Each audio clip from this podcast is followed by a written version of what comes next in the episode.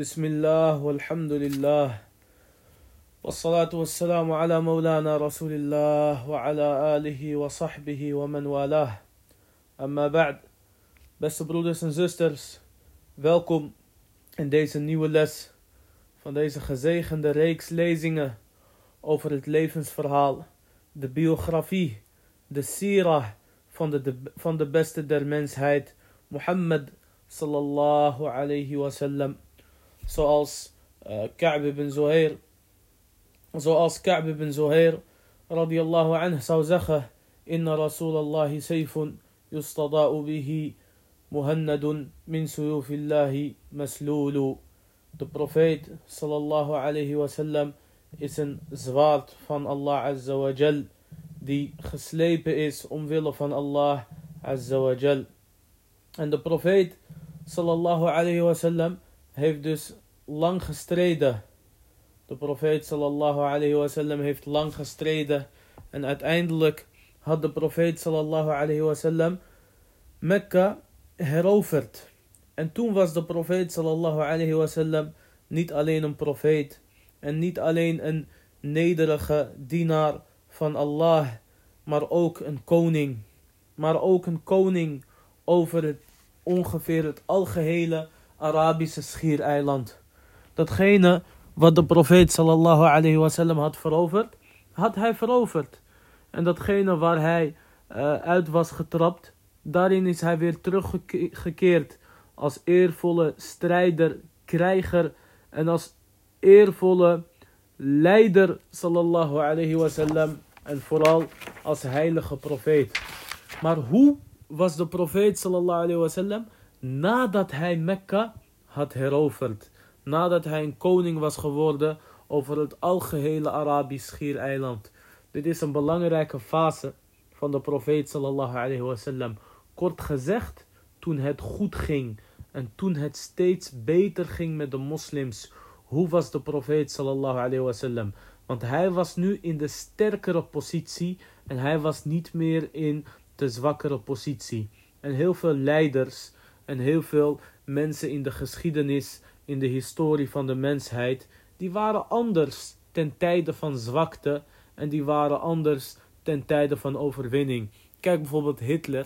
Als je gaat kijken, de Hitler voordat hij een president was, uh, is een andere Hitler nadat hij een president was. Ja, niet datgene wat hij uh, heeft gedaan voordat hij verkozen werd, dat kon hij niet doen als hij dit gelijk vanaf dag 1 had gezegd. In de historie zie je dat de koningen en dat de dictators en dat de leiders nadat zij de macht krijgen, dat zij steeds harder en feller waren. Maar wat je bij de profeet sallallahu alayhi zag, is dat hij steeds zachter en liefdevoller werd voor de mensheid. En niet zoals uh, de mensen vandaag de dag. Kijk bijvoorbeeld naar uh, de vrouwelijke president van Myanmar, van Burma. Zij had de, de, de Nobelprijs gewonnen. Zij had de Nobelprijs gewonnen toen zij nog niet aan de macht was. Zij heet Aung San Suu Kyi of wat dan ook. Is een bejaarde vrouw. En ze had een lange strijd en ze kreeg de Nobelprijs voor vrede, tegen onderdrukking was ze, et. Maar toen zij de president werd of de premier van, uh, van, van Burma, het land wat ze nu uh, Myanmar noemen, heeft zij de Rohingya-moslims gemarteld. Of ze heeft in ieder geval stilzwijgend uh, toegekeken. En Allah heeft haar bestraft. Ze is onlangs uh, ze is onlangs veroordeeld tot vier jaar celstraf, terwijl ze in 1945 is geboren. Dus ze is al, uh, ze is al 78 jaar oud ongeveer. Ze is veroordeeld tot vier jaar celstraf. Nou, dat overleeft ze waarschijnlijk niet. En al zou ze dat overleven, dan nog zijn er genoeg andere aanklachten. Waar het om gaat, de profeet sallallahu alayhi wasallam, die werd steeds zachter. Die werd steeds liefdevoller. En de onrechtvaardige leiders die worden steeds harder en genadelozer uh, wanneer zij de macht krijgen en hoe langer zij uh, de macht hebben. Dus de profeet die had dus Mekka veroverd. En na de verovering van Mekka kwamen de delegaties. Kwamen de overige Arabische stammen, die kwamen toen uh, bekeren. Want Quraysh in die tijd, dat waren de sterkste Arabieren en dat waren de meest eervolle Arabieren. Je moet het zien net als vandaag de dag Amerika, Verenigde Staten. Je hebt het oosten en het oosten zijn communistisch. Je hebt bijvoorbeeld China, Cuba en vroeger had je de Sovjet-Unie. Toen de Sovjet-Unie is gevallen, is bijna het hele communisme gevallen. Zelfs China is minder communistisch en daarom heb je nu zoveel handel met China. En landen als Cuba en Venezuela, etc. Of die zijn van het communisme afgestapt, of het communisme stelt bar weinig voor. In het Westen heb je de Verenigde Staten. Dat zijn de leiders van het Westen. Moet je voorstellen dat het Westen verslagen zou worden. Je hebt nog wel Duitsland, Frankrijk, Italië, etc. En je hebt vooral Duitsland, Frankrijk en, en, en, en Engeland, Verenigd Koninkrijk. Maar het, ze stellen weinig voor als Amerika, als de Verenigde Staten verslagen zijn. Taib, zo waren Quraysh. Wat vandaag de Verenigde Staten is voor het Westen, dat was Quraysh voor de Arabieren. Dus voordat Mekka heroverd werd, wat we een aantal lezingen hebben gehad, waren de, eigenlijk de, de rest van de stammen die waren afwachtend. Die waren aan het kijken. Zoals Ibn Ishaq overlevert in zijn Sira. Hij zei, de Arabieren die keken naar Quraysh als het ging om de islam. Want, de, want Quraysh, zij waren de leiders van de Arabieren. En zij waren de trendsetters van de Arabieren. Want zij woonden bij het heilige huis, bij de Kaaba. En zij waren de meest directe en de meest zuivere nakomelingen van Ismaïl, de zoon van Ibrahim. En zij waren de leiders van de Arabieren en geen enkele Arabier die ontkende dat. En zij hadden ook de oorlog verklaard aan Mohammed sallallahu alayhi wasallam. En de Arabieren die zouden zeggen, Utrukuhu wa qawmah. Laat Mohammed en zijn volk. فإنه إن ظهر عليهم فهو نبي صادق. Als hij van hun wint, dan is het een echte profeet. وإلا فقد كفوكم. En als hij verliest, dan hoeven jullie niks te doen. Dan heeft Quraysh dat geregeld. Dus als je eigenlijk gaat kijken, de Arabieren die waren aan de zijkant aan het kijken. En dit is een probleem. Dit is eigenlijk wat we vandaag de dag de grijze massa noemen. Je hebt vaak extreem rechts en je hebt extreem links. Aan beide kanten van elke discussie heb je twee uh, extreme. Maar je hebt ook een grijze massa. Je hebt ook een grijze uh, massa. Maar die hoor je niet. Die hoor je niet. En die kijken eigenlijk wie gaat winnen. Die kijken naar wie gaat winnen. Maar dat is fout. Een moslim hoort geen grijze uh, muis te zijn. Maar een moslim hoort principes te hebben. En die hoort voor die principes op te komen. De profeet sallallahu alayhi wasallam zei. Unsur aghaka zaliman aw madluma. Help jouw broeder. Of hij nou degene is die onrecht aandoet aan anderen. Of hij nou degene is die een slachtoffer is, die onrecht wordt aangedaan. De sahaba die zeiden, ja Rasulallah, oké, we helpen hem wanneer hij slachtoffer is. Wanneer diegene onrecht wordt aangedaan. Maar hoe kunnen we diegene helpen als hij zelf degene is die onrecht aandoet? Toen zei de profeet sallallahu alayhi wasallam, door hem te laten stoppen. Door hem te laten stoppen met het plegen van onrecht. Dus zo is een moslim, barakallahu fikum, leer dat. Een moslim heeft altijd principes. Een moslim die staat ergens voor. En een moslim die is geen blinde schaap. En een moslim is ook vooral geen grijze muis. De profeet sallallahu alayhi zei: La yakunanna ahadukum imma'a. Ida fa'ala nas fa'alu wa ida lam yaf'alu lam yaf'al. De profeet sallallahu zei: Laat niemand van jullie een meeloper zijn. Als de mensen iets doen, dan doet hij het. En als zij het niet doen, dan doet hij het ook niet. Dus heel veel Arabieren die waren dat wel. Dit is een kwalijke eigenschap. Zelfs Martin Luther King, en dat was natuurlijk een kafir billah, maar hij had een wijze uitspraak. En hij zei, uiteindelijk zullen we ons de woorden van onze vijanden niet herinneren, maar het zwijgen van onze vrienden. En niet de pijn van de vijand, dat, dat boet je niet zoveel. Maar het feit dat je vrienden had, dat er mensen waren die wisten dat jij op de waarheid was, maar toch hadden ze je niet geholpen, Dat is hetgene wat pijn doet. Dat is hetgene wat we vandaag de dag, uh, vandaag de dag krijgen. Mensen die weten, je hebt gelijk. Mensen die weten, deze geleerde doet zijn best. Deze student van kennis doet zijn best om de waarheid te verspreiden. En hij offert zijn tijd, zijn moeite, zijn eer, zijn veiligheid, zijn familie, zijn bezit. Alles offert hij op omwille van Allah Azawajal. Maar de mensen kijken toe. Of nog erger, de mensen kijken weg. En dat is wat pijn doet. Een echte moslim is niet zo.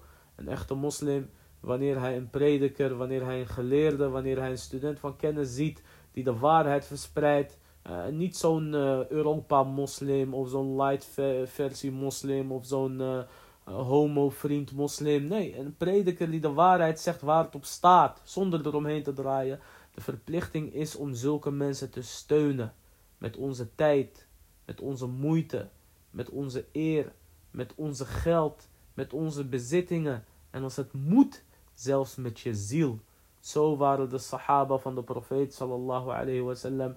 En zo waren de vrome moslims. En zo waren zelfs de zondaren van de islam.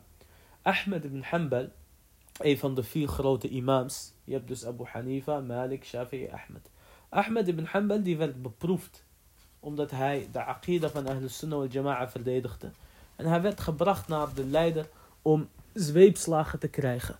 En toen, samen met de gevangenen, was er een dronkenlap. En die zei tegen hem, ja Ahmed, maak je niet druk. Het zijn een paar zweepslagen en je herinnert je niks meer. Met andere woorden, ik heb ze zo vaak gegeten vanwege dronkenschap.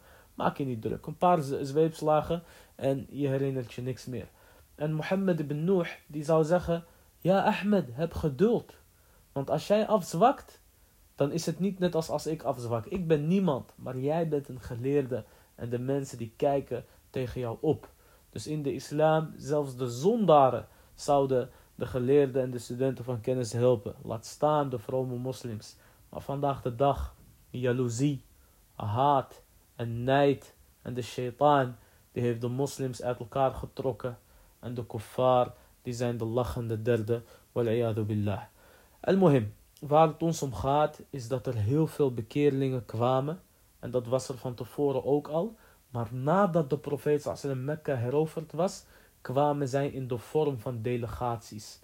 En degene die moslim werd, nadat de profeet Mekka had heroverd, die is niet even goed als Allah, bij Allah dan degene die is bekeerd voordat de profeet Mekka had heroverd. Dus degene die in Mohammed sallallahu alayhi wasallam heeft geloofd in, in makkelijke tijden, eh, die is niet even goed bij Allah net als degene die in Mohammed heeft geloofd sallallahu alayhi wasallam in moeilijke tijden. En Allah zegt dit ook in Surat al-Hadid vers 10. Hij zegt subhanahu wa ta'ala وما لكم ألا تنفقوا في سبيل الله ولله ميراث السماوات والأرض Wat is er met jullie? Waarom geven jullie niet uit op de weg van Allah? En Allah die heeft de erfenis van de hemelen en de aarde. Kijk wat Allah hierna zegt. La yastawi minkum man anfaqa min qabli al-fath wa qatal. Degene die uitgaven, die sadaqa gaven, voor de fath, voor de opening, voor de overwinning, de inname van Mekka, die zijn niet gelijk. En ze hebben ook gevochten, die zijn niet gelijk.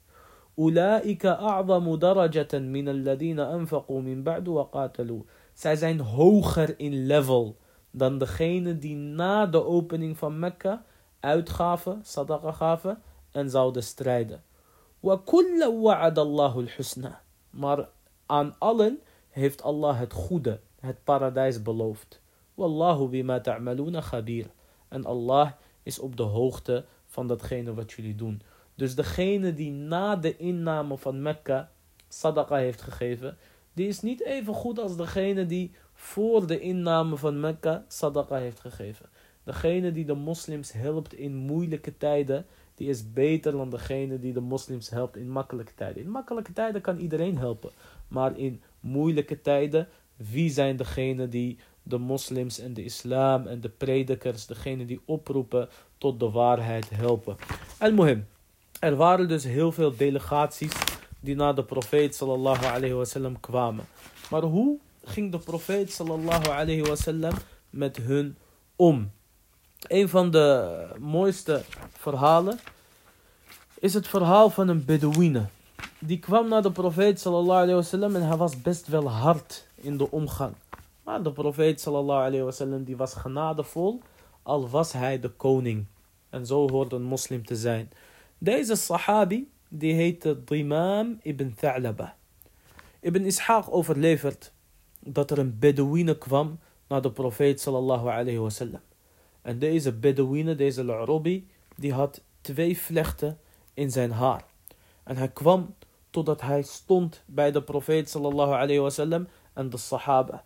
En hij zei, Ayyukum ibn Abdul Muttalib. Wie van jullie is de zoon van Abdul Muttalib? En Abdul Muttalib is de opa van de profeet sallallahu alayhi wasallam. Dus deze Bedouine die zag de profeet en de sahaba, maar hij wist niet precies wie de profeet was. Dus hij zei, wie van jullie is de zoon van Abdul Muttalib? En subhanallah, dit is even een heel belangrijk iets. De profeet sallallahu alayhi wasallam, niet Ahmed of Mohammed of Abdullah, nee. Muhammad Rasulullah. Hij is tussen de sahaba en je ziet geen verschil tussen Mohammed sallallahu en zijn vrienden. Mohammed die hoefde niet interessant te zijn. Mohammed sallallahu die was interessant. Dus hij hoefde zich niet interessant te gedragen. Mohammed sallallahu die hoefde niet uit de hoogte te doen. Hij was de allerhoogste mens. Mohammed sallallahu wasallam die hoefde zich niet speciaal te gedragen. Hij was al speciaal sallallahu alayhi wasallam. Dus Mohammed sallallahu alayhi wasallam tussen zijn vrienden, tussen de sahaba was hij gewoon één van de moslims. Hij droeg dezelfde kleren. Hij deed niet uit de hoogte. Hij had niet eens een speciale plek of, of wat dan ook. De profeet zou gewoon ergens zitten waar hij kon zitten. En toch was hij, Rasulullah, de beste der mensheid. Kijk hoe nederig dit is. Vandaag de dag, de koning, die zit op zijn troon. De directeur, die wil zijn stoel in een directiekamer.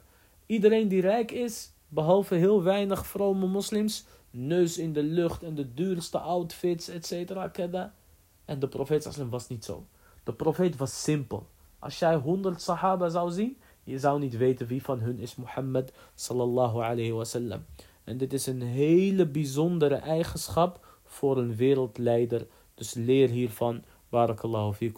Dus deze Bedouine die zei, Ayyukum ibn Abdul Muttalib. Wie van jullie is de zoon van Abdul Muttalib? En de profeet sallam die zei, ibn Abdul Muttalib. Ik ben de zoon van Abdul Muttalib. En de profeet hield van deze naam.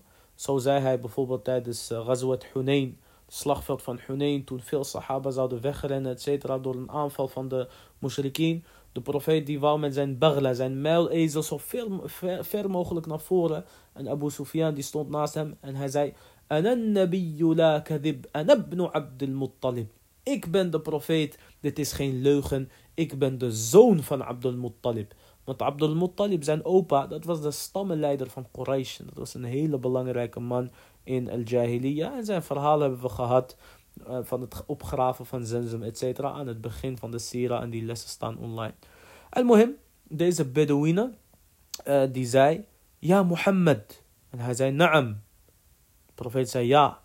En hij zei, inni sa'iluk wa mughallidhun alayka fil mas'ala. Fala tajidanna fi nafsik. Hij zei, O Mohammed, deze Bedouine die zei, O Mohammed, ik ga jou wat vragen stellen. En ik ga hard zijn in de manier hoe ik jou aanspreek. Dus vat het niet persoonlijk op. En de profeet sallam die zei, La ajidu fi nafsi, fasal amma badalak. De profeet sallam zei, ik zal het niet persoonlijk opvatten. Dus vraag wat jij wil. Omdat de profeet sallam weet, dit zijn Bedouinen, dit zijn Shab al-Arabiya. Die zijn nou eenmaal hard in hun omgang. En subhanallah, het bijzondere aan de profeet sallallahu is, hij kon met iedereen omgaan. De profeet kon omgaan met de rijke mensen. En hij kon omgaan met de arme mensen. De profeet kon omgaan met de zachte mensen en met de harde mensen. De profeet stuurde brieven aan koningen. Maar hij kon ook omgaan met Bedouinen, zelfs als zo'n Bedouine plaste in de moskee. De profeet sallam die in het slagveld was hij sterk en dapper. Maar met de kinderen liet hij de kleine kinderen op, hun, op zijn rug spelen en hij tilde hun op tijdens het gebed. Af en toe zou een kind, zou de profeet zelfs een baby vastpakken en die baby zou plassen over de profeet wasallam, maar de over de kleding van de profeet wasallam, maar de profeet vond dat helemaal niet erg. Dus kijk wat de profeet hier zegt. Al ben je hard, ik vat het niet persoonlijk op. Zo hoort een prediker te zijn. En een, een, een oproeper naar de islam, die kan zich aanpassen in elke situatie. Met de academici is hij een academicus. Met de straatjongens, dan begrijpt hij de straatjongens. En dan praat hij met de straatjongens. Met de rijke mensen, hij weet hoe hij hun kan raken. En hij weet op welke toon en op welke level hij tegen hun kan praten. Met de arme, simpele mensen, hij kan zich ook downgraden tot hun niveau. De, een, een, ware prediker die kan een ieder uh, praten, met een ieder praten op zijn niveau. En met die halve zolen vandaag de dag, die, die niet eens één onderwerp goed kunnen, laat staan de rest. Dat zijn geen ware predikers. Of omdat ze uh, niet op de waarheid zijn, of omdat ze wel op de waarheid zijn, maar ze hebben niet voldoende kennis. Dus een ware prediker die kan zich aanpassen aan de hand van de situatie. En zo was Mohammed sallallahu alaihi wasallam. En de ware prediker die vat het niet persoonlijk op. Die kijkt niet naar de vorm, maar die kijkt naar de inhoud, want dat is belangrijk. En zo komt er zoveel mogelijk rendement. Al-Muhim, deze Bedouine, de imam radiallahu anh, die zei, ik vraag jou bij Allah, jouw Heer en jouw God en de God van degene voor jou. Heeft Allah jou gestuurd aan ons als profeet? En de profeet sallam zei, Allahumma na'am. Ja, zeker bij Allah. En de imam die zei, ik vraag jou bij jouw God. Heeft Allah jou bevolen dat wij hem alleen moeten aanbidden en dat we geen afgoden moeten aanbidden en standbeelden? En de profeet sallam zei, Allahumma na'am. Ja, zeker bij Allah. En de Bedouine zei, heeft Allah jou bevolen dat wij vijf keer per dag moeten aanbidden? En de profeet zei, na'am, ja zeker.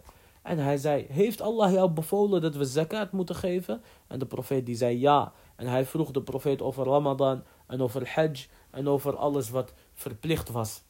En toen deze Bedouine klaar was, zei hij direct: فَإِنِّي أَشْهَدُ أَن لَا إِلَهَ إِلَّا اللَّهِ وَأَشْهَدُ أَنَّ مُحَمَّدَ رَسُولُ اللَّهِ Ik getuig dat niks of niemand het recht heeft om aanbeden te worden behalve Allah en dat Mohammed zijn boodschapper is. En ik zal deze verplichtingen verrichten.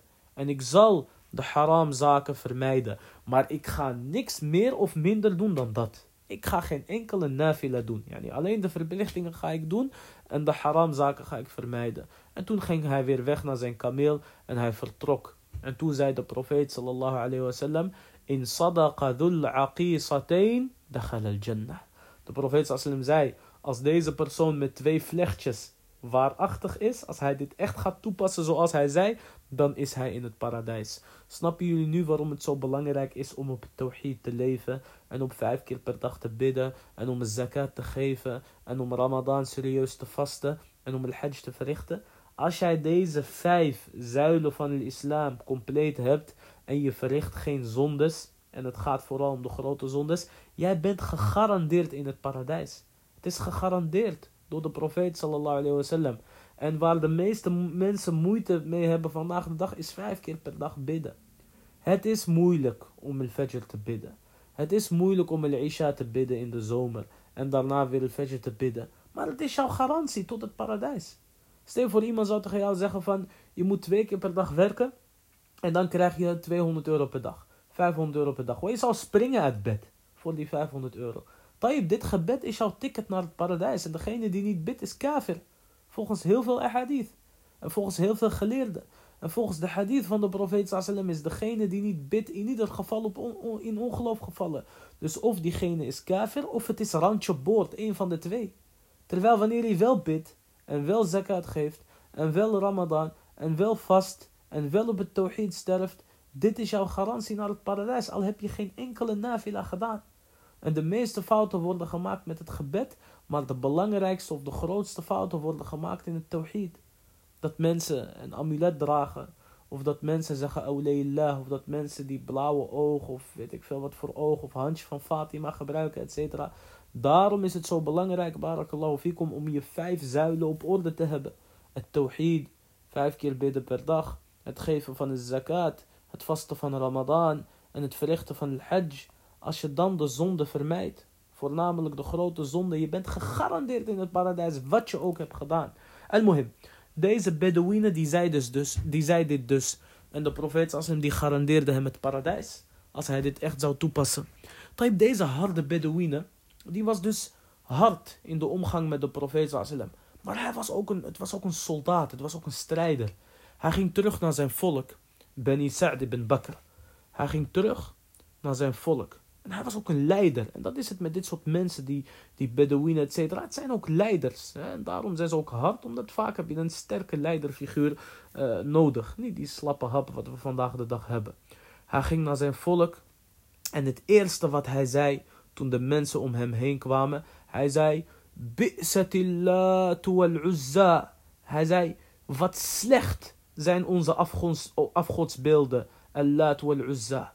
En de mensen die schrokken, die zeiden, Mahya dimam, hou je mond, o dimam. Pas op voor lepra, pas op voor huidziektes. Pas op dat deze standbeelden jou gek gaan laten maken, dat je bezeten gaat worden. Hij zei, Wailakum, wee o jullie. Innahuma wallah, la yadurrani wa la yanfa'an. Deze standbeelden, die kunnen niet schaden, noch baten. Inna Allah qad ba'atha rasula. Allah heeft een profeet gezonden. Wa anzala alayhi kitaba. En hij heeft een boek aan hem neergedaald. Istanqadakum bihi mimma kuntum fih.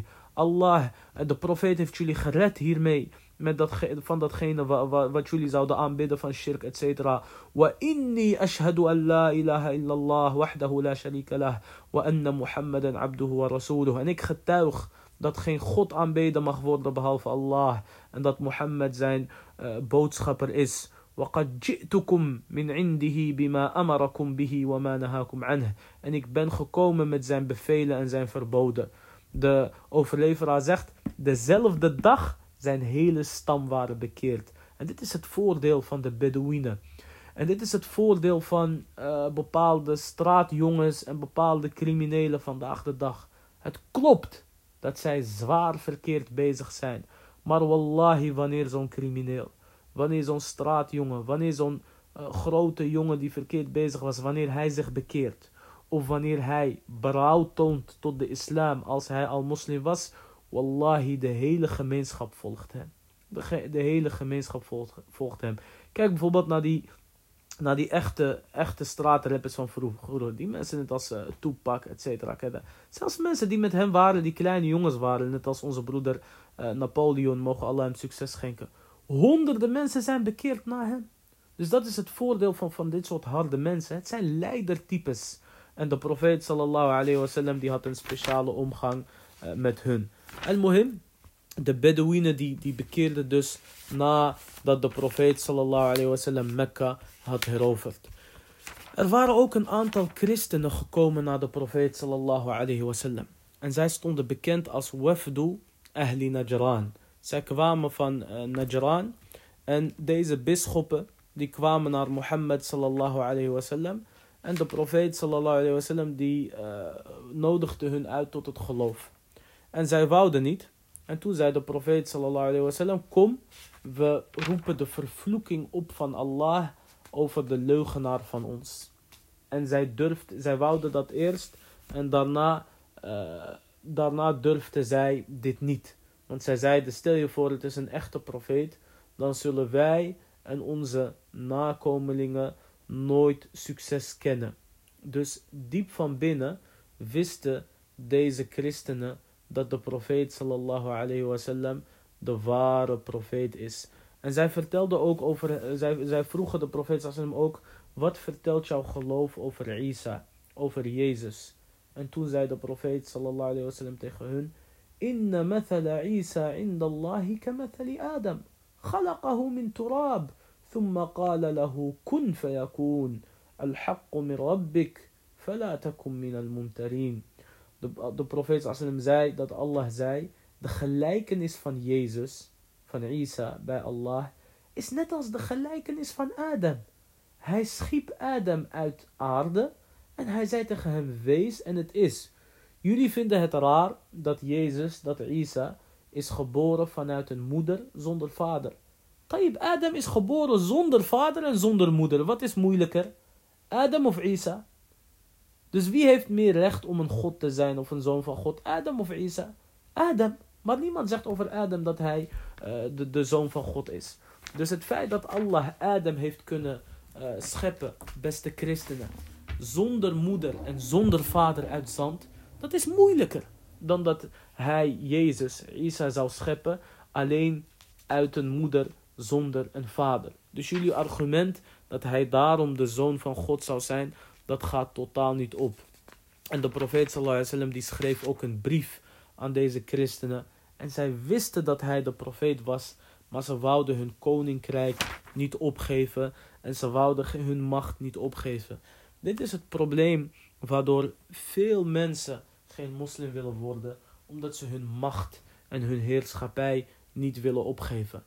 Maar Masakin, de domme, die weten niet. Maar de slimmerikken en de elite, die weten het wel. Maar hun hebben andere problemen. En dat zijn namelijk hun machtsproblemen.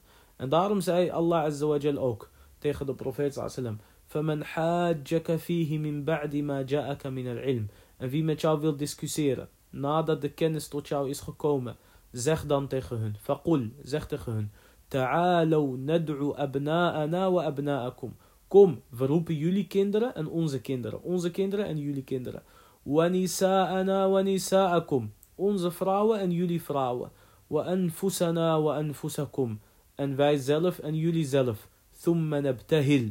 Dan gaan we eh, verwensingen uitroepen فَنَجْعَلْ لَعْنَةَ اللَّهِ عَلَى الْكَاذِبِينَ En dan roepen we de vloek van Allah op over de leugenaars. En dat durfden deze christenen niet, omdat zij stiekem wel wisten dat hij de echte profeet was. En dat zeiden ze ook tegen elkaar. Het is een echte profeet. De bisschoppen die zeiden dat tegen elkaar. Het is een echte profeet. Maar dan raken we al onze macht kwijt. Wat je ziet bij de delegatie, bij de delegatie van de christenen. is dat de profeet sallallahu alayhi wasallam zacht met hun was. Omdat de christenen, dat zijn eigenlijk dwalende mensen. Vaak de christenen bedoelen het niet slecht. Maar zij zitten in een netwerk van dwaling, in een netwerk van onzin die zij hebben geërfd, waardoor zij niet meer weten wat goed en slecht is, en waardoor zij eigenlijk dronken zijn geworden door hun eigen verhalen. Wa illa wallahi, er klopt helemaal niks van de religie van christenen. En de profeet sallam die had niet de oorlog verklaard aan deze christenen, maar hij liet hun gewoon een vorm van belasting betalen voor hun veiligheid. En een van de beste weerleggingen op de christenen is een gedicht van Ibn al-Qayyim rahimahullah ta'ala in een vragende vorm. En hij zegt rahimahullah ta'ala أعباد المسيح لنا سؤال نريد جوابه ممن وعاه Ibn al-Qayyim zegt O aanbidders van Christus wij hebben een vraag en wij willen het antwoord van degene die de vraag begrepen heeft إذا مات الإله بصنع قوم أماتوه فما هذا الإله Als de God is gestorven door daden van mensen. Wat is dit dan voor God? Yani, hoe kan God vermoord worden door mensen? وهل أرضاه ما نالوه منه فبشراهم إذا نالوا رضاه En toen deze God, toen Jezus vermoord werd. En jullie zeggen dat Jezus God is. Was hij tevreden met de moordenaars? Want als hij tevreden was, dat betekent dat dit een goede zaak was, dat zij hem hadden vermoord. وإن سخط الذي فعلوه فيه فقوتهم إذا أوهت قواه. En als deze God ontevreden was met de moord op hem, dat betekent dat deze mensen sterker waren dan God. Dat kan toch niet? وهل بقي الوجود بلا إله سميع يستجيب لمن دعاه en toen God werd vermoord, was de wereld dan opeens zonder God die de dua beantwoordt? وهل خلت الطباق السبع لما ثوى تحت التراب وقد علاه Ibn al-Qayyim zegt, en toen God begraven werd, was er dan geen God boven de hemelen en op aarde? Uh, Ibn al-Qayyim zegt, وهل خلت العوالم من إله يدبرها وقد سمرت يداه toen God werd gekruisigd aan het kruis. Zijn handen waren vast aan het kruis. Wie zou dan de aarde regelen en alles in goede banen leiden? وكيف تخلت الأملاك عنه بنصرهم وقد سمعوا بكاه Ibn al-Qayyim zegt, en de engelen. Waar waren de engelen? Waar was Gabriel? Waar was Israfil? Waar was Mikael? Waarom kwamen zij God niet helpen toen zij God hoorden huilen? Want dat is het probleem. Het probleem wanneer je de Bijbel leest, dan lees je letterlijk in de Bijbel dat Jezus, Isa alayhi salam, wat natuurlijk een leugen is, maar dat hij gezegd zou hebben toen hij werd gekruisigd, staat letterlijk in de Bijbel. Ela, Ela, waarom heeft u mij in de steek gelaten? Waarom heeft u mij uh, in de steek gelaten? Taib, jullie zeggen dat Jezus uh, God is. Of de zoon van God. En hij is in ieder geval drie eenheid, bla bla, onzin. Uh, hij is God zelf. Als God zelf zegt, waarom heeft u mij in de steek gelaten? Wanneer Jezus zegt, waarom heeft u mij in de steek gelaten? Dat betekent of hij praat tegen iemand anders. En dan is hij geen God. Of hij praat tegen zichzelf. Of hij praat tegen zichzelf. Als jij Sander heet. En jij uh, wordt vermoord. En jij zegt tegen jezelf. Sander, Sander. Waarom heeft u mij in de steek gelaten? Waarom heeft u mij in de steek gelaten? Wallah, jij bent rijp voor uh, de geestelijke ziekenhuis. Jij bent rijp voor mentorum of riach of, wat dan ook. Jij bent niet geschikt als, als normaal mens. Jij bent niet geschikt als normaal mens. Laat staan dat jij geschikt bent als God. Dus wanneer Jezus aan het huilen was, toen hij werd gekruisigd, beste christenen, waar waren de engelen dan om hem te helpen? Het is niet logisch dat zij hem in de steek uh, zouden laten. Dit zegt Ibn Qayyim rahimahullah in zijn ijzersterke gedicht. Waar waren de engelen? En daarna zegt Ibn Qayyim rahimahullah وكيف أطاقت الخشبات حمل الإله الحق مشدودا قفاه Hoe kon dat kruis, en het kruis bestond uit hout, hoe kon dit hout een God überhaupt dragen? En zijn mond werd vastgebonden. وكيف دنا الحديد إليه حتى يخالطه ويلحقه ويلحقه أذاه En hoe kon dat ijzer waarmee Jezus werd gekruisigd, zogenaamd volgens de Bijbel. En Jezus leeft nog steeds. Hoe kon dat ijzer überhaupt God pijn doen?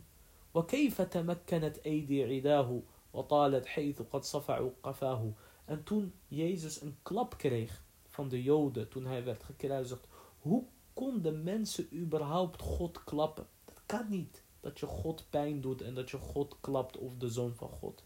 En daarna zegt Jezus, en daarna zegt Ibn Qayyim rahimahullah, وهل عاد المسيح إلى حياة أم المحيي له رب سواه En toen Jezus uit zijn graf kwam, wat de christenen beweren, heeft hij zichzelf tot leven opgewekt? Of was er iemand anders die hem tot leven heeft gewekt? En Ibn Qayyim zegt, nog verbazingwekkender is dat je God in een graf kan stoppen.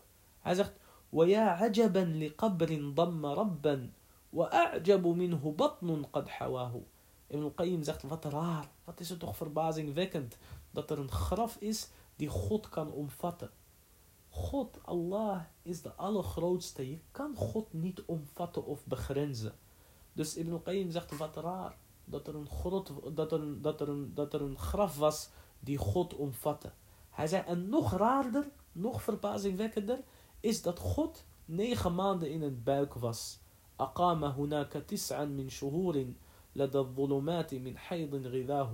Het is heel verbazingwekkend dat jullie beweren dat God in een buik negen maanden was en hij was negen maanden lang in het duister en zijn voedsel was menstruatie. Want dat is wat menstruatie is. Menstruatie is voeding voor een zwangere, voor, voor een foetus, voor een baby in de buik van zijn moeder. En daarom zie je dat zwangere vrouwen niet of nauwelijks of heel licht menstrueren. En Ibn Qayyim zegt, وَشَقَّ الْفَرْجَ مَوْلُودًا صَغِيرًا ضَعِيفًا فَاتِحًا لِثَدِي فَاهُ Hij zei, en uit de geslachtsdeel van zijn moeder, van Maria, kwam er een hele zwakke baby, die zijn mond opende om borstvoeding te drinken. Hij opende zijn mond richting de borst van zijn moeder om melk te drinken. Hoe kan dit een God zijn? ويأكل ثم يشرب ثم يأتي بلازم ذاك هل هذا إله Ibn Qayyim zegt, Jezus die at en hij dronk melk van zijn moeder en daarna moet hij urineren of, of zelfs grote boodschap ontlasting doen, ontlasting verrichten. Hel hada ilahu, is dit een God die eet en die drinkt en die daarna urineert of ontlasting heeft? تعالى الله عن إفك النصارى. سيسأل كلهم عما افتراه. ابن القيم زغت فرهيف إس الله فان دا لوخنز فان ديز لوخنز دي نت هبه opgenoemd فان دا كريستنا ايدر فان هن زال, زال ondervraagd worden op de dag des oordeels over datgene wat zij hebben, waarover zij hebben gelogen. أعباد, أعباد الصليب لأي معنى يعظم أو يقبح من, من رماه. Ibn Qayyim zegt daarna ook een heel sterk argument. Hij zegt, o aanbidders van het kruis. En waarom is dat kruis bij jullie zo, zo heilig? وهل تقضي العقول بغير كسر وإحراق له ولمن بغاه Hij zegt Ibn Qayyim, o aanbidders van het kruis, o christenen.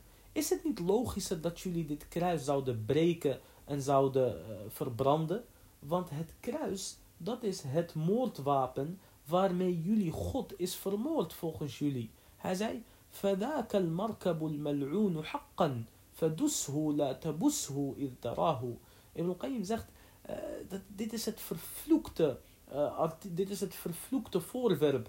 Elke keer als jij een kruis ziet, o christen, zou jij erop moeten trappen. En je zou het niet moeten kussen. Stel je voor, je moeder is vermoord door een wapen. Een mes of een pistool of wat dan ook. Ga jij dan dit, mes, dit moordwapen om je, ketting, op, om je nek hangen als een ketting? Of bewaren of wat dan ook? Of ga je het juist weggooien en kan je het niet aanzien? De moordwapen waarmee jouw geliefde is vermoord, automatisch, jij haat dit moordwapen. Maar de christenen die beweren valselijk dat Jezus is vermoord aan het kruis. Dit betekent dat zij het kruis zouden moeten haten. En niet dat zij van het kruis zouden moeten houden, zegt Ibn al-Qayyim rahimahullah. Dit zijn allemaal rationele uh, vraagstukken. En daarna zegt Ibn al-Qayyim rahimahullah ta'ala, hij zegt, يهان عليه رب الخلق طرا وتعبده فإنك من عداه. Hij zegt, jullie God, o christenen, o aanbidders van het kruis, die is vernederd aan het kruis. Hoe kunnen jullie dan het kruis aanbidden?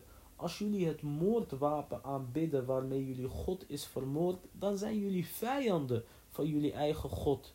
فإن عظمته من أجل قد حوى رب العباد وقد علاه en Ibn Qayyim zegt, stel je voor, hij zegt, ik aanbid dit kruis omdat uh, mijn Heer heeft hieraan gehangen. Mijn God heeft hieraan gehangen. Hij zegt, uh, hij zegt, dan zou je toch ook elke graf moeten aanbidden. Want jij aanbidt elke kruis omdat jouw God, Jezus, heeft gehangen aan een kruis. Ibn Qayyim zegt, فَهَلَّا لِلْقُبُورِ سَجَدْتَ طُرًّا لِضَمِّ الْقَبْرِ رَبَّكَ فِي حَجَاهُ Hij zegt, dan zou je toch ook de graven moeten aanbidden. Want jouw Heer, jouw God, die was toch ook begraven in een graf. Ibn Qayyim zegt, فَيَا عَبْدَ الْمَسِيحِ أَفِقْ فَهَذَا بِدَايَتُهُ وَهَذَا مُنْتَهَاهُ Ibn Qayyim zegt, o aanbidder van Christus, word wakker. Want dit is het begin en dit is ook het einde. Dit is een van de, van de mooiste gedichten die de moslimgeleerden hebben geschreven als weerlegging op, op, op de christenen. En het gaat erom dat de christenen dwalende zijn. Second, de onwetenden, die weten echt niet. En de leiders, die weten dat er een profeet zal komen na Isa. En dat staat ook letterlijk in de Bijbel. Dat de Messias zal komen en dat de profeet zal komen en dat de Mahdi al-Muntadar zal komen. Die weten, al-Mahdi komt en Isa salam die is al gekomen, maar tussen hun zit er een profeet. Dus de geleerden die weten dat. En daar zijn vele versen voor in de Koran. En de onwetenden die weten niet. En met hun zou je rustig moeten omgaan. Zoals hoe de profeet sallallahu alayhi wasallam heeft gedaan. Al-Muhim, Wafdu Najran, de delegatie van Najran, die was ook gekomen. Sommige van hun zijn moslim geworden. Sommige van hun wouden bijna moslim worden. Vooral de bisschoppen, die wisten dat dit de echte profeet was. Maar hun macht en hun power en hun kracht, die weerhield hun ervan om moslim te worden. En daarom, wallahi, sommige mensen denken misschien van was ik maar een koning of was ik maar een prins of was ik maar rijk. Wallahi, het is voor 99% van ons beter dat zij geen koningen zijn of dat zij geen prinsen zijn of dat zij niet van adel zijn. Want Allahu a'lam wat zij dan uh, zouden doen.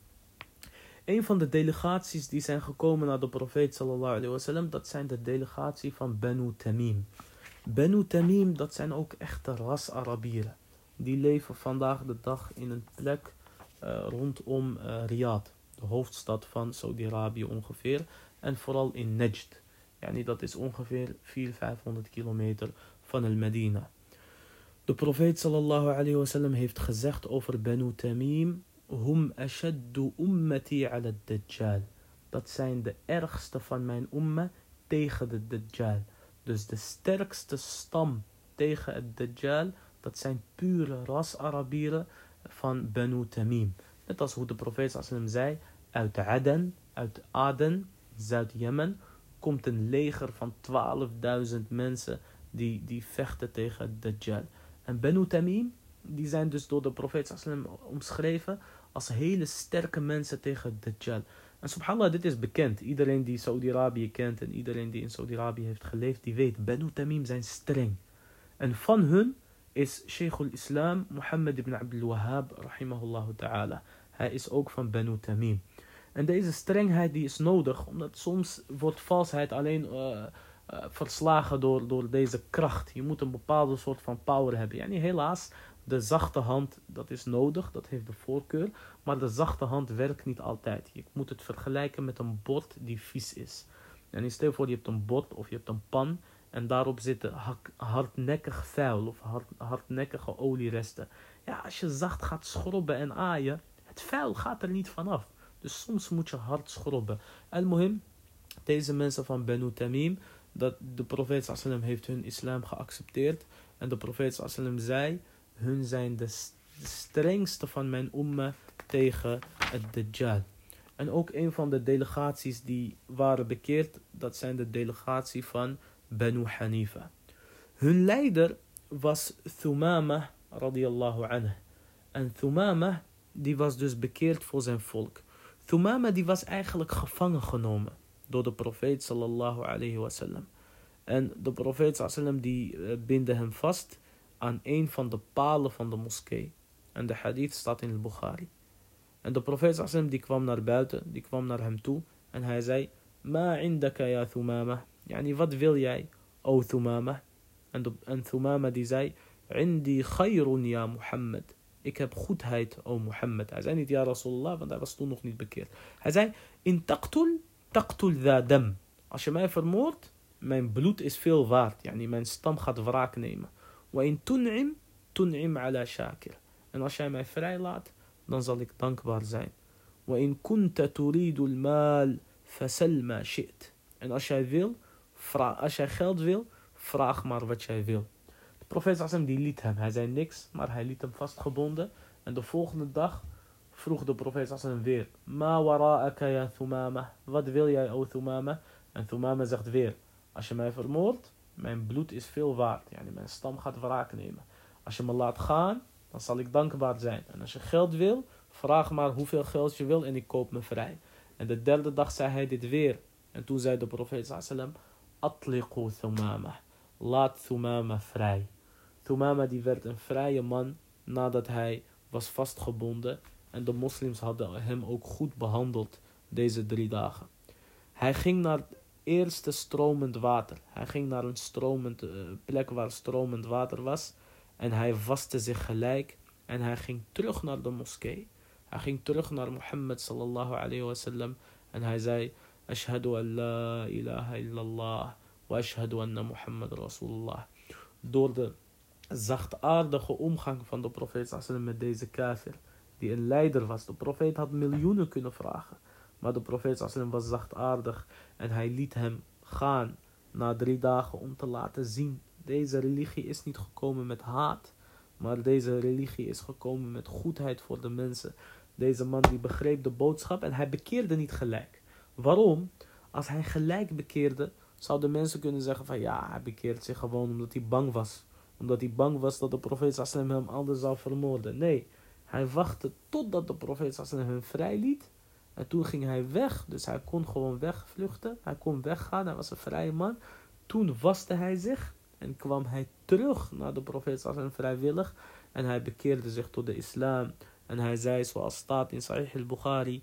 Wallahi ma kana ala wajhi al-ardi wajhun abghadu ilayya min wajhik. Hij zei ja Rasulallah, jouw gezicht was het meest gehate gezicht bij mij. Faqad asbaha wajhuka ilay. Hij zegt maar nu is jouw gezicht het meest geliefde gezicht bij mij geworden. Ik haatte jouw religie, maar nu haat ik van jouw religie. En hij zei, ja Rasulullah, ik wil al-Umrah. Hij zei, ik was onderweg naar al-Umrah, dus uh, wat vind jij dat ik moet doen? En toen zei de profeet van, maak je Umrah af. Ga al-Umrah verrichten. Toen kwam hij naar Mekka en toen zeiden de mushrikeen tegen hem, heb jij jouw religie verlaten? Hij zei, nee, maar ik ben bekeerd. Wallahi, er komt geen, geen, er komt geen zaadje van speld naar jullie totdat de profeet sallallahu alayhi wasallam toestemming gaf. En mohim, je zag dat de profeet sallallahu alayhi wasallam zachtaardig was met de leiders van de volken. En de profeet sallallahu die won hun vertrouwen met zijn akhlaaq. En uiteindelijk werden zij zelf oproepers tot het geloof. Een van de mensen die uh, kwam bekeren, dat was Musaylama al-Kadhab. En deze Musaylama, die bleek uiteindelijk een uh, nep-profeet te zijn, la'anahullah. De profeet sallam die zegt, zoals staat in Sahih al-Bukhari, hij zei, ik zag dat ik twee gouden armbanden had. En de profeet sallam die zei, astaghfirullah, of die zei, a'udhu billah, want de profeet, een man mag geen gouden armband dragen. En de profeet sallam wil dat helemaal niet. Hij zei, en toen uh, blies ik op de, ik blaaste op deze twee armbanden. En toen zag ik ze wegvliegen. En de profeet sallam zei, de betekenis van deze droom is dat er twee leugenaars zullen zijn. Al-Muhim, er kwam een stam naar de profeet uh, sallallahu alayhi wasallam en zij wouden zich bekeren. En de profeet had in zijn hand had hij een palmtak, zoals staat in Sahih al-Bukhari. En Musaylama die zei, O Mohammed, als ik de leider mag zijn na jou, dan zal ik jou volgen. En hij kwam met heel veel mensen. En de profeet sallallahu alayhi wasallam zei, zie je deze palmtak in mijn hand? Wallah, als je met deze tak zou vragen, dan zou je hem niet eens krijgen. En Allah die zal wel met jou afrekenen. En ik denk dat jij de leugenaar bent die ik in mijn droom heb gezien. En uiteindelijk was dat ook het geval. En deze man die beweerde dat hij een profeet was naast Mohammed sallallahu alayhi wasallam. En hij verzon ook zijn eigen Koran. En tijdens de khilafa van Abu Bakr radiallahu anhu is er een enorme veldslag geweest tussen de profeet sallallahu alayhi wasallam en tussen Musaylam al-Kadhab in al-Yamama. Wat ik hiermee wil zeggen is dat er veel nep-profeten zijn geweest. En de grootste van hun was misschien wel deze Musaylama. En de profeet sallam die zei dat ook in een hadith. de dag des oordeels zal niet plaatsvinden totdat er dertig nep-profeten zullen, tevoorschijn zullen komen. En de laatste van hun dat is het Dajjal. Dat is de anti-Christ. Misschien dat iemand zegt er zijn veel meer nep-profeten dan 30. De betekenis is dat er 30 grote nep-profeten zullen zijn. En maar iemand die schreeuwt dat hij een profeet is of wat dan ook, dat is uh, niet interessant zolang hij geen volgelingen heeft. En je ziet ook dat elke nep-profeet uiteindelijk zal beweren dat hij een god is. Want ze pakken het stapsgewijs aan. En de profeet die gaf hun niks. Een van de laatste nep-profeten die wij hebben gezien, dat is Ahmaq Mirzai Ghulam. Aan hem wordt de Qadiani-beweging toegeschreven. En dat noemen ze zogenaamd de Ahmadi-beweging. Maar ze hebben niks te maken met Ahmed. Want Ahmed is een van de namen van Mohammed sallallahu alayhi wasallam. Dus de juiste benaming voor hun is de Qadiani-beweging. Pas op voor hun, want dat zijn geen moslims. Zij beweren dus dat er een profeet is na Mohammed sallallahu alayhi wasallam. En wie dat beweert is een kafir. Wal'iyadu billah. Al-Muhim, er kwamen heel veel delegaties naar de profeet sallallahu alayhi wasallam sinds de herovering van Mekka. En dit is ook gelijk een levensles van een moslim, voor een moslim. De weg naar de top is moeilijk. De weg naar de top is eenzaam. Maar wanneer jij succes hebt behaald, dan zullen er opeens mensen komen plakken en slijmen. Omdat je dan nou eenmaal succesvol bent. En dan, dan probeert iedereen wat mee te pikken van jouw succes.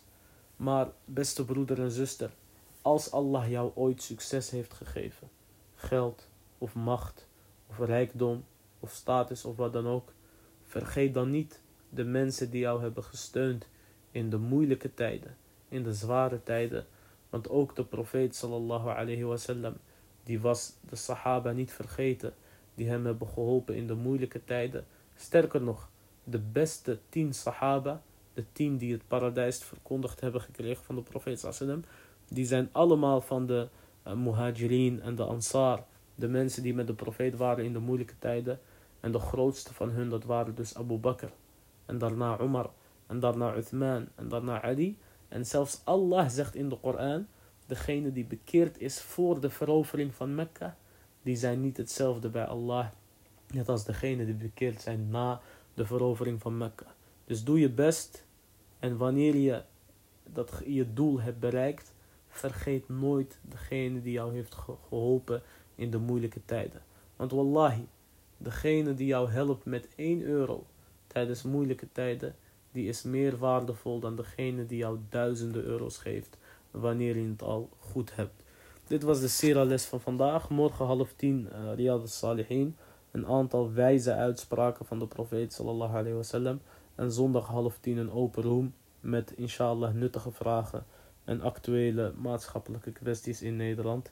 هذا والله أعلم وصلى الله وسلم على نبينا محمد وعلى آله وصحبه أجمعين وآخر دعوانا أن الحمد لله رب العالمين